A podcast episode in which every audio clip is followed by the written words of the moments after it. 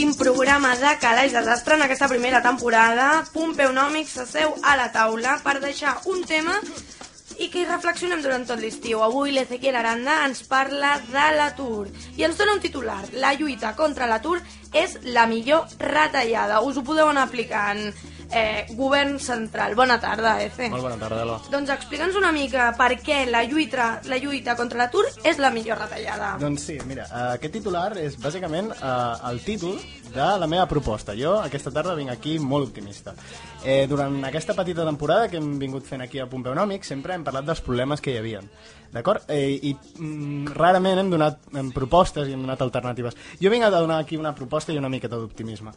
Uh, bueno, primer de tot vull fer una miqueta de context. On, on estem, no? Estem, en, estem a Europa, com tots sabem, i estem a una Europa... Rescatada. Que, sí, sí, sí, sí, sí, com tots sabem. Una Europa que ens està exigint, uh, des de fa uns mesos i de fa un, un període de temps determinat, que fem retallades, d'acord? Espanya està fent retallades molt, molt dures, i són retallades que venen directament d'Europa, digues-se Alemanya, d'acord? Bé, um, portem uh, uns mesos de, de, de retallades, però què passa? No funcionen. Uh, el dèficit no baixa com hauria de baixar, i l'economia espanyola, el PIB, el que nosaltres produïm, els, els espanyols produeixen i produïm, doncs no creix.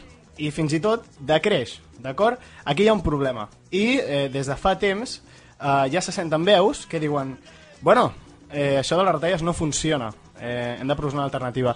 Eh, el mateix Paul Krugman, eh, Premi Nobel, el 2008, eh, va proposar que això de les retallades no funcionava eh, i va citar un famós economista, en Keynes, que deia eh, les retallades són per les expansions econòmiques, és a dir, quan una economia creix és quan s'ha de retallar, no quan una economia decreix, d'acord? I, eh, a més a més, tenim el, el, el que seria el protagonista França, Hollande, eh, bé, ha vingut també amb una, amb una mateixa idea. Les retallades no són la panacea, és a dir, hem de créixer, d'acord? Òbviament, els alemanys no ho han vist amb bona, amb bona cara, però eh, això ja eh, ens contextualitza amb, un nou, amb una nova situació, i és que eh, les, les retallades no funcionen, però tenim alternativa, que és aquesta del creixement, i estem amb aquest debat. Jo vinc a proposar una cosa totalment nova, d'acord? I és la meva proposta, la meva proposta de pensar en l'atur. La lluita contra l'atur és la millor retallada. És la millor retallada, exactament. Per què? Uh, jo, per, per trobar aquesta, aquesta resposta, aquesta proposta, el primer que he fet és pensar en els problemes que hi ha a Europa. O sigui, quins són els problemes de la Unió Monetària Europea? Els problemes és que Europa ha volgut ser tota una economia, ha volgut ser només un país, però formada per unes economies heterogènies. És a dir, unes economies que no tenen res a veure amb la del costat. D'acord? Això és un problema i és molt, molt, molt greu.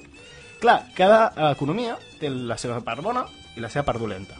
Uh, quina és la part dolenta d'Espanya? L'atur, d'acord? Eh, tenim un 24,44%, l'última dada oficial. Eh, és cert que en aquests mesos eh, ha baixat una miqueta, però bueno, la dada és aquesta, no? és un 24,44, és, és una dada molt, molt, molt, molt bèstia i molt, molt preocupant. Clar, l'atur és la principal preocupació, però jo avui estic molt, molt, molt optimista. Veig l'atur com una oportunitat. Atenció. Sí, atenció, vamos a abrir las atenció, orejas. atenció, perquè això és difícil eh, d'escoltar en un mitjà de comunicació. Exactament. Jo ara, avui, vinc eh, aquesta tarda a projectar una miqueta d'optimisme. I jo veig l'atur com una oportunitat, no com un problema. M'explico. Hem estat parlant ara del, del context, i hem estat parlant del context a nivell a nivell molt, molt macro. Vale? Què és la macro? Doncs quan parlem de països, d'economies, de taxes d'inflació, d'interessos, a nivell molt, molt, molt general. Ara, per entendre una miqueta la importància de l'atur en una economia, anem a baixar a l'economia. Estàvem veient l'economia des del Google Earth, d'acord? Ara anem a fer el zoom, anem a passar a la microeconomia, d'acord? Anem a veure les, les, uh, les empreses i els consumidors. Per què és important, uh, per què és important uh, les empreses i els consumidors, d'acord? Com està funcionant això? Això està funcionant de la següent manera. Per què és important l'atur? L'atur és important perquè si una persona, anem a posar, per exemple, que eh, tu, Alba, portes 20 anys treballant amb, un- de fornera, vale? amb, un- Una amb un persona forn. que no té un negoci 20 anys en un forn, com la nostra col·laboradora, la Roser, que treballa en un forn. Pues perfecte. Imaginem-nos, 20 anys, un forn, un negoci. Exacte. La Roser porta 20 anys treballant en un forn, d'acord? Però, bueno, ara amb la crisi, amb la baixada del consum, les iaies i els iaios de, del diumenge, eh, amb la baixada de pensions, no poden anar a comprar la mateixa quantitat de pa. El consum ha baixat. El forn, malauradament, tanca. Quines són les conseqüències d'això? Les conseqüències d'això és que deixem de perdre quatre excedents molt importants. Què és un excedent? Un benefici. Vale? L'economia perd quatre beneficis. El primer és el benefici del propi empresari. És a dir, jo, si contracto la Roser, és perquè la Roser m'està produint més del que costa. És a dir, el que diem en economia, nosaltres, un, un empresari contracta sempre que el cost marginal és més petit o igual que l'ingrés marginal. Què significa? Què significa? Això, matemàticament, eh, quan, quan parlem de termes marginals en economia, estem parlant de les derivades. Paraulotes, paraulotes i paraulotes. Anem a parlar de les derivades i dels costos marginals i ingressos marginals. Bàsicament, és eh, que el cost de contractar a una persona més és menor o igual que l'ingrés que ens Què proporciona ens aquesta persona? una, una persona més en la nostra plantilla. Primera cosa que es perd, el benefici de l'empresa, el propi Exacte. empresari. Sí, sí, sí. Per resumir, bàsicament, és que jo contracto la Roser perquè la Roser em produeix 10 i em costa 5. Per tant, l'empresari s'emporta 5. Ja tenim el primer excedent, l'excedent de l'empresari, que si hi ha atur, això es perd. Ho perdem. El següent excedent. El següent excedent és l'excedent social, és l'excedent del consumidor. Uh, quan la iaia Maria va el diumenge a comprar el pa, uh, la iaia Maria també s'emporta un excedent, un excedent molt important. Per què? Perquè la iaia Maria té un valor de compra i té un preu... Clar, què passa aquí? Uh, la iaia Maria està comprant el pa, per què?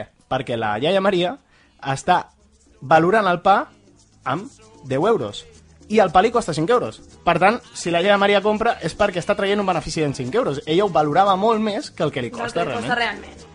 Vale? Segon benefici que es perd, no? Ah, exacte, és el benefici del consumidor. Després, el tercer benefici és el benefici del propi treballador, de la pròpia Roser. Per què? Perquè la Roser, quan li van proposar treballar al forn, va dir, bueno, jo treballaré al forn sempre i quan el que em paguin sigui més gran o igual del, del que per a ella suposa el temps invertit en, Aquesta eh, feina, no? en treballar allà i també eh, l'esforç, que això també té una contraprestació monetària, no?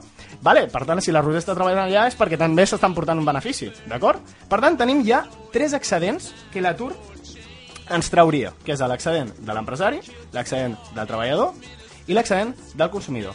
Però aquí ve més important, l'Estat. L'Estat s'emporta un doble excedent. No havia sortit fins al moment i és el més important jo, i el que té la paella pel mànec. Ah, exacte. Benefici estatal. El benefici estatal, bàsicament, si la Roser treballa, a l'Estat xucla l'IRPF. Si la Roser s'emporta el pa i el ven, el- l'Estat xucla a l'IVA.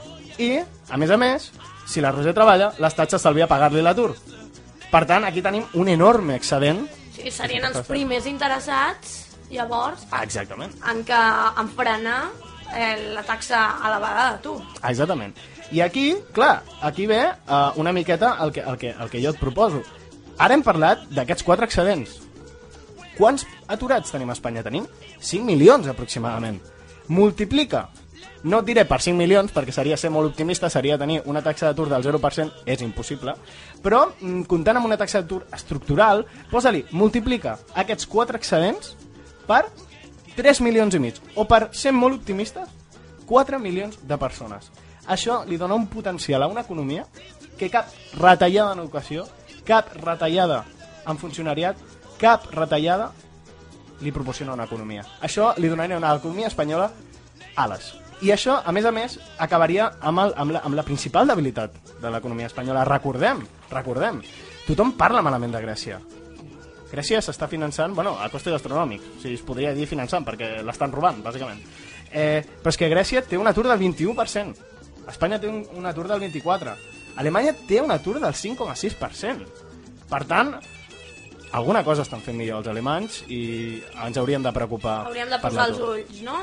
Doncs ens quedem amb la proposta de l'Ezequiel Aranda en aquest últim programa de Calaix Desastre i és una reflexió no, en aquests mesos d'estiu que venen per davant. I és que la lluita contra l'atur és la millor retallada. Exactament. Us veurem la propera temporada per aquí, per l'estudi? No ho dubtis. Doncs més Pompeunòmics al setembre, segur, amb moltíssimes novetats, perquè ja sabeu, Pompeunòmics és notícia i ells també que tinguis bon estiu, Igualment. bon estiu a tots els col·laboradors de Pumpeonòmics i us esperem a Calex Desastre per la segona temporada del programa aquí a Boca Ràdio. Bon estiu, Ence. Bon estiu, igualment, Alba. The